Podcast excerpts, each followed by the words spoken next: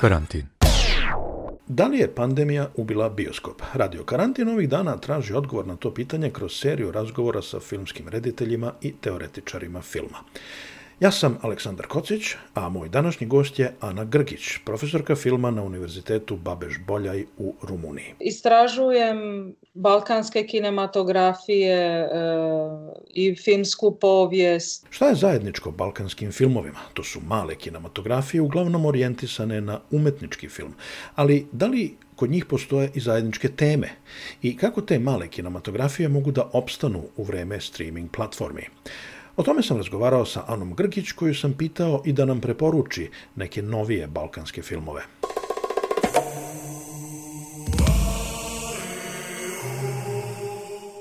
Vi ste urednik jedne zbirke radova posvećene balkanskoj kinematografiji.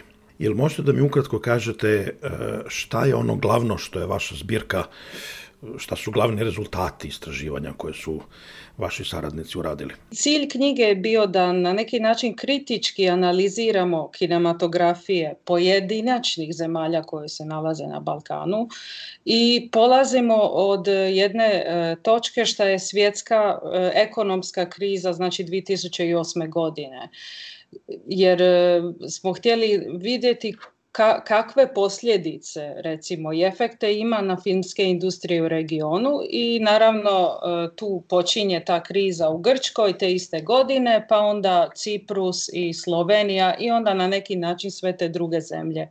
I, iako naravno sve zemlje nisu osjećale e, e, recimo posljedice krize na isti način, tu se ipak nalaze neke zajedničke, ajde recimo teme kao ekonomski problemi, stagnacija, nezaposlenost, e, možda posljedice patrijarharnog sistema, te emigracija. To su neki svakodnevni problemi koje recimo dijele većina tih e, balkanskih zemalja i ove teme se često nalaze u filmovima Eh, na primjer, mm, koji svi vjerovatno znaju najbolje su eh, filmovi rumunjskog takozvanog eh, novog vala koji se već susreće, susrećemo godinama na festivalima i svima je vrlo poznat. Knjiga pokriva, izvinite, 13 zemalja od kojih kad gledamo samo su šest u Europskoj uniji danas, dok se i druge u raznim recimo pregovaranjima za ulazak u EU i na neki način to što naravno se dijeli već, e, to o čemu se i na neki način e, od, od, dakle počinje recimo e, teoretska baza ove knjige da ima neki fenomen koji dijele sve ove zemlje, to je, ali to je neka dominantna percepcija koja dolazi izvani, ali isto tako često unutra iz, isto tako sudsjetstva, da se, da se govorimo, kad govorimo o Balkanu, govorimo o nekoj europskoj periferiji i da na neki način ove zemlje nikad nisu dovoljno kao e, na nivou Europe ili nisu dovoljno evro, europeizirane, da kažem nešto.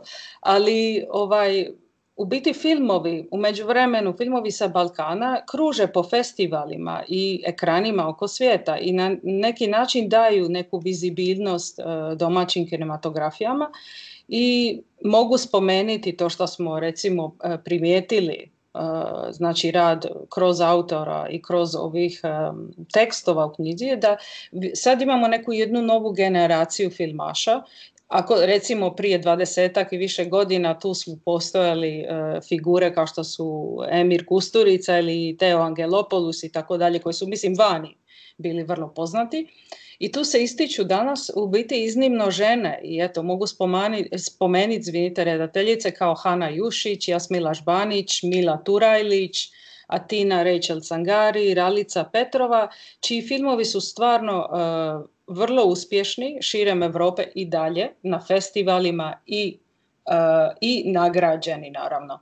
I ja mislim na taj način to što se događa, barem u ovih zadnjih deseta godina što smo mi gledali, vidimo neke vrlo pozitivne promjene.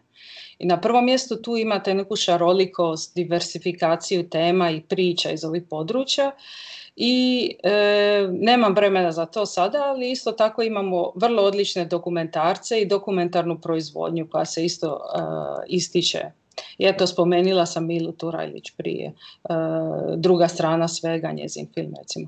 Osim geografske odrednice, šta je ako može da se kaže, šta je zajedničko e, balkanskim kinematografijama? Da li je to pristup filmu, da li su to teme, da li je to stil?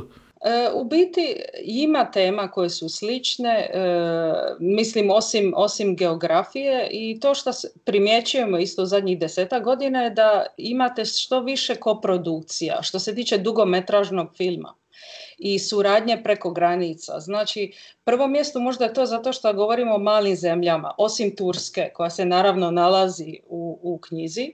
I Turska je jedna vrlo velika filmska industrija prema drugima i, i to sve što sve više vidimo neke potpore e, znači od države od strane države i putem naravno filmskih centra filmskog centra i drugih europskih institucija koje u biti tu funkcioniraju za poticanje filmova e, i znači ako ima neki karakter šta bi ja sad rekla uglavnom recimo vrlo uspješnih filmova filmova koji su eto recimo uh, art house E, evo, Rekvijem za gospođu J 2017. godine Bojana Vuletića, to je koprodukcija šest zemalja. To je nešto što sada recimo dijele većina tih balkanskih kinematografija.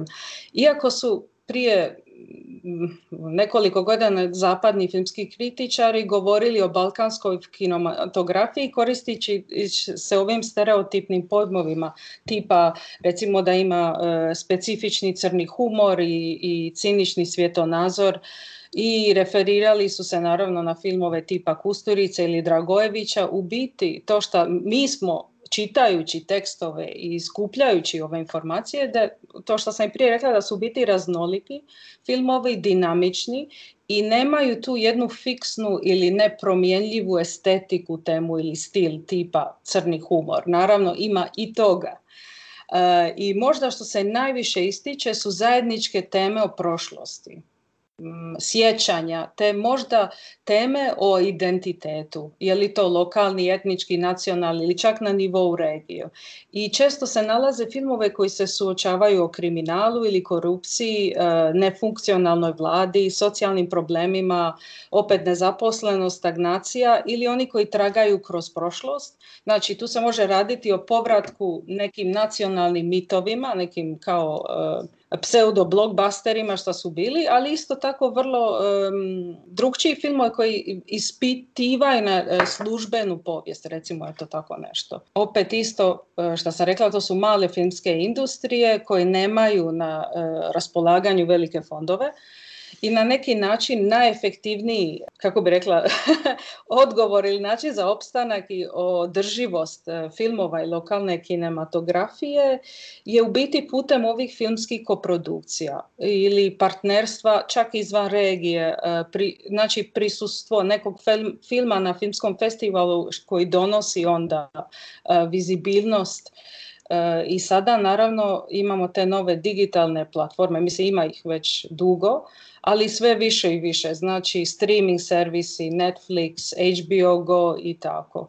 I naravno koprodukcija što to što pomaže recimo e, balkanskim filmovima je da na neki način osiguravaju neku lakšu i bolju i dalju distribuciju filmova izvan granica jer problem je naravno isto tako domaće publike imali. Vi ste spomenuli e, ekonomsku krizu od pred deset i više godina, a e, naš glavni povod za ove razgovore je ova aktuelna kriza izazvana pandemijom jer mi pokušavamo da nađemo odgovor na pitanje hoće li e, bioskopi preživeti pa samim tim i film ili može film da preživi bez bioskopa. E, pa me zanima kakva su vaša, kakva je vaša ocena s obzirom na to da su balkanski filmovi uglavnom orijentisani na domaću publiku i u svetskim okvirima na nešto što se zove art house cinema, znači mala, lojalna publika koja prati taj umetnički film.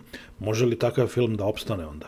Da, dobro je pitanje i ja mislim da je nekako za što se tiče pandemije možda je prerano e, odgovoriti, ali prerano vidjeti šta će se u biti dogoditi s filmovima i kako ste rekli, u biti da, ti filmovi najčešće koji kruže znači po filmskim festivalima ili to e, selektivnom publikom jesu filmove koji su umjetnički, to jest umjetnički filmovi e, i sad pitanje je e, kako ali dobro i tu recimo baš sam razmišljao o tome recimo ima to što su ima nekih iznimka e, tipa ima komercijalnih filmova sa, sa Balkana koji su ipak postali hitovi eto mislim baš na ovu paradu 2010. godine Srđana Dragojevića znači to je hit bio po svim zemljama bivše Jugoslavije ili e, čak e, evo u, Bugarskoj ja mislim isto 2010. Misija London film koji je zaradio duplo više nego iti jedan drugi bugarski film u periodu između 2008. i 2016. godine kad se prikazivao tamo, opet komedija.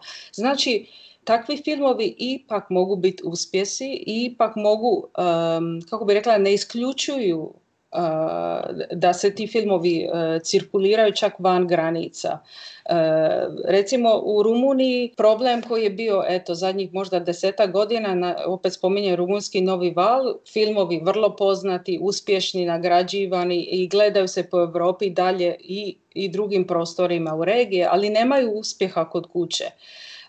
ali isto tako e, problem još naravno, ja mislim postoje barem u Rumuniji, je recimo da nakon pada komunizma, znači u postkomunističkom periodu, većina bioskopa u biti su se zatvorili. Tako da oni danas imaju samo po 90 bioskopa u cijeloj zemlji, što je vrlo malo po e, veličini recimo stanovnika. I, i, između tih ima još manje onih za distribuciju art ili indie filmova. Tako da recimo već oni godinama se suočavaju tim problemima da na kraju biti to možda čak ti art filmovi nisu e, više za ta lokalna kina, nisu više za domaća kina i moraju pronalaziti nove e, načine kako bi opstali, kako bi cirkulirali te filmove, te recimo ova ima e, Transilvanija Film Festival, imaju neko putujuće kino, znači E, kino koje uzme znači, filmove koje su ovdje prikazali u Klužu i onda tijekom godine ide u neka manja mjesta, pa čak recimo sela i, i tako dalje. Znači, radi se o nekim e, alternativnim recimo e, distribucijama. ali ono što jesu ono što sam baš čitala neki dan da su primijetili ovdje u 2018. godini da se box office za domaće filmove koji nisu bili uopće popularni je porastao za 50%. Jer izgleda da su sad našli što se tiče nekih film, dugo, govorimo nekoliko dugometražnih filmova, neki hibridni model između, ne, znam kako bi to drugčije nazvala, nešto između art kao umjetničkog filma i nešto između popularnog filma. Tako da recimo e, Cornelio Porumboju, što je naravno poznati e, redatelj e, rumunskog Novog Vala, kad je izašla lagomera je u biti uspjela privući e, dosta ljudi u kino, što ne bi se recimo dogodilo prije pet ili šest godina. Tako e, ne možemo totalno isključiti taj neki efekat. Mislim, ima još.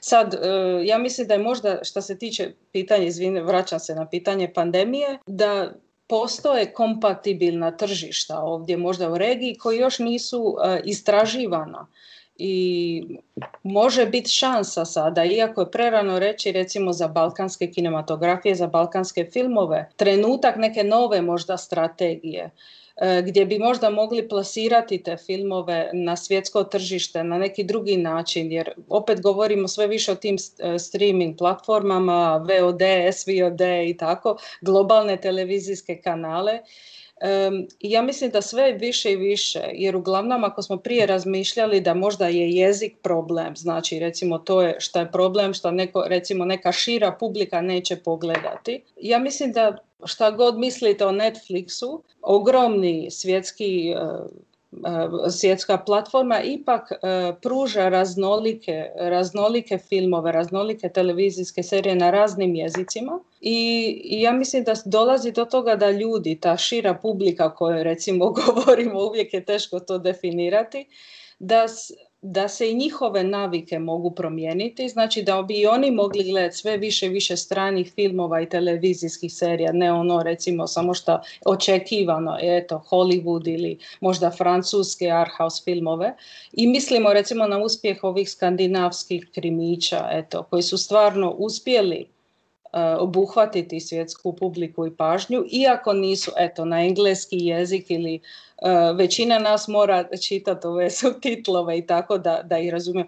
Znači, ne znam, ja ipak mislim da možda e, ima ovdje e, neke, e, nekog načina, neke nove strategije i da ima mogućnosti čak da, da se i balkanski filmovi koji su na toliko raznih jezika mogu gledati. Pa ima tu sad interesantno, da, evo, Britanija, vi ste živjeli u Britaniji pa to verovatno znate, Britanija je prilično zatvorena za, za sve što nije na engleskom jeziku, ali čak i ovdje sad zahvaljujući platformama kao što je Netflix, na primjer izraelska Fauda je prilično popularna popularna, onda ova turska serija Itos. A zanima me koliko koliko sada streaming platforme mogu da budu potencijalni e, spas za, za balkansku kinematografiju, s obzirom da su e, pojedinačna ta tržišta mala, da bi neki Netflix sada ulagao u, u srpski film, na primjer.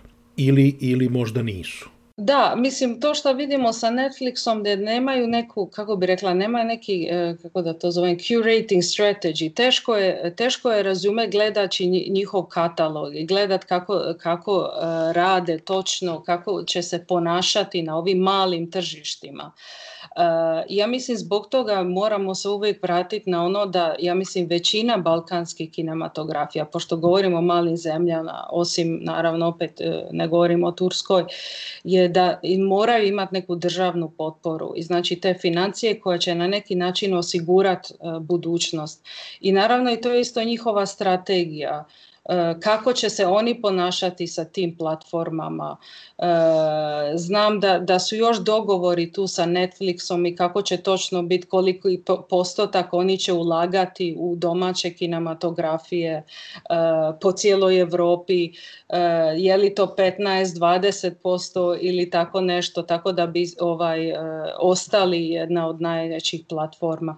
Ja mislim da da tu ipak ima nekih, eh, ali naravno ako mislimo na taj način na neku malu, eh, malu zemlju ili male kinografije i gledamo eh, cijeli svijet, naravno Netflix nema nekog posebnog interesa.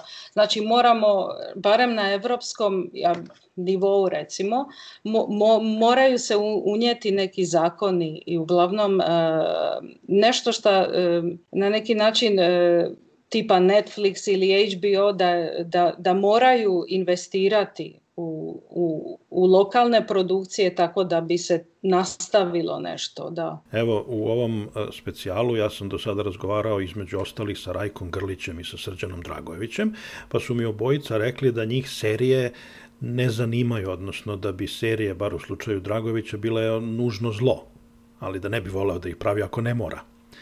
Da li ste vi kroz ovaj istraživački rad koji ste radili stekli nekakav utisak o tome da li bi e, reditelji bili spremni da se okrenu, reditelji filmova, bili spremni da se okrenu serijama, zato što je danas su serije ono što e, privlači više gledalaca nego film možda?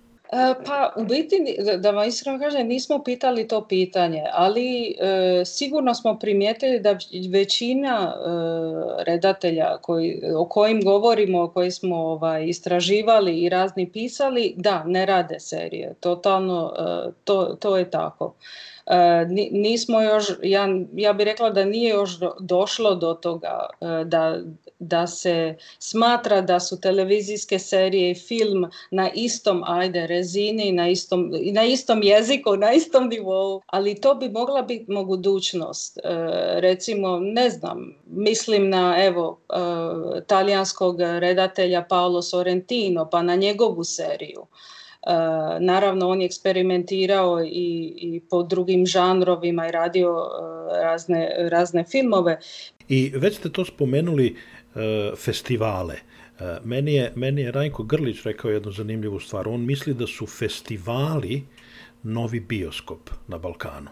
Da ljudi neće ići u bioskope, ali pošto imate festivale svuda na Balkanu, bar u bivšoj Jugoslaviji, on misli da je to spas za balkansku kinematografiju. Kakva je situacija van bivše Jugoslavije, u Rumuniji, u Bugarskoj, u Turskoj? Je li oni imaju puno festivala, jel ih ljudi posećuju? Da, da, ja bih rekla, evo, mislim za, za, za e, Rumuniju i Bugarsku sigurno. To je, to isto za njih e, jedan glavni opstanak e, autorskog filma i, ili umjetničkog filma, alternativnog filma eh, i kroz ovakve eh, alternativne recimo eh, čak kino klubovi ili evo opet ovdje Transilvanija Film Festival sad imaju svoj VOD kanal. Znači pružaju eto ljudima da gledaju cijelu godinu, da, da, da se preplate. Čak sam primijetila da... To je Sarajevo isto uradilo skoro. Da, ja mislim da je to, da je to način napred, naravno, jer e, koliko sam shvatila po zadnjim razgovorima što su se volili tokom Zagreb Film Festivala je da u biti vrlo ima vrlo malo subvencija za kina i sad e, za njihov opstanak, ali moguće isto tako da će se ljudi vratiti u kino.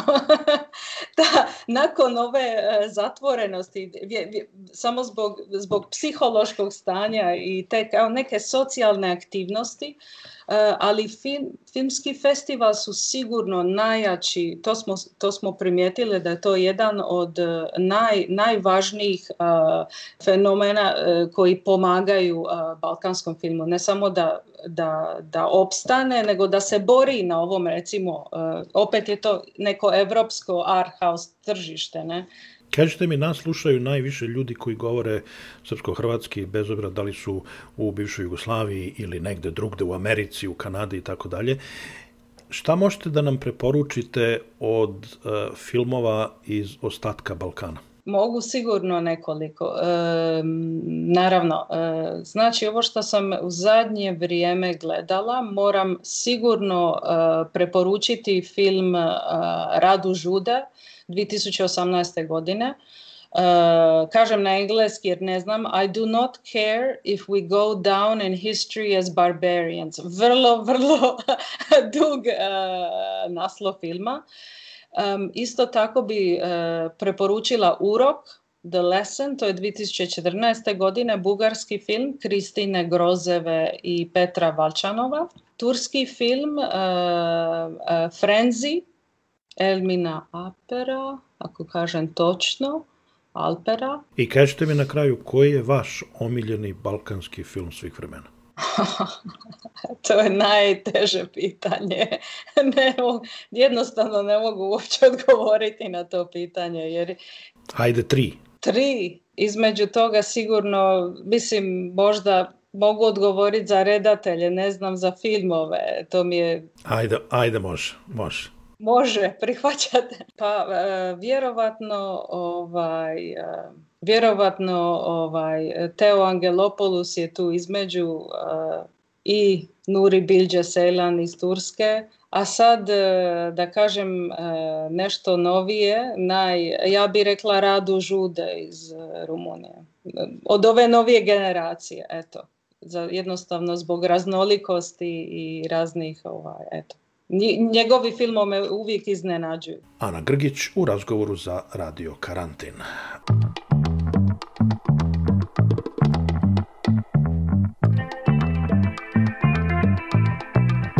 Radyo Karantin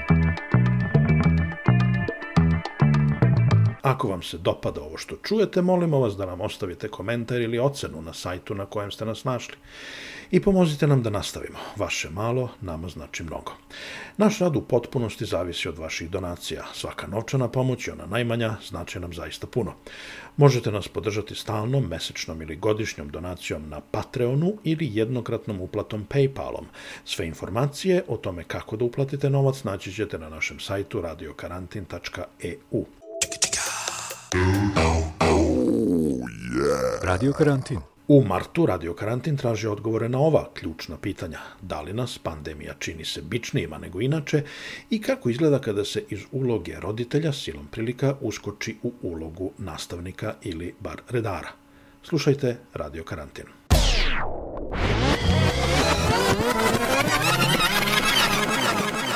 Radio Karantin.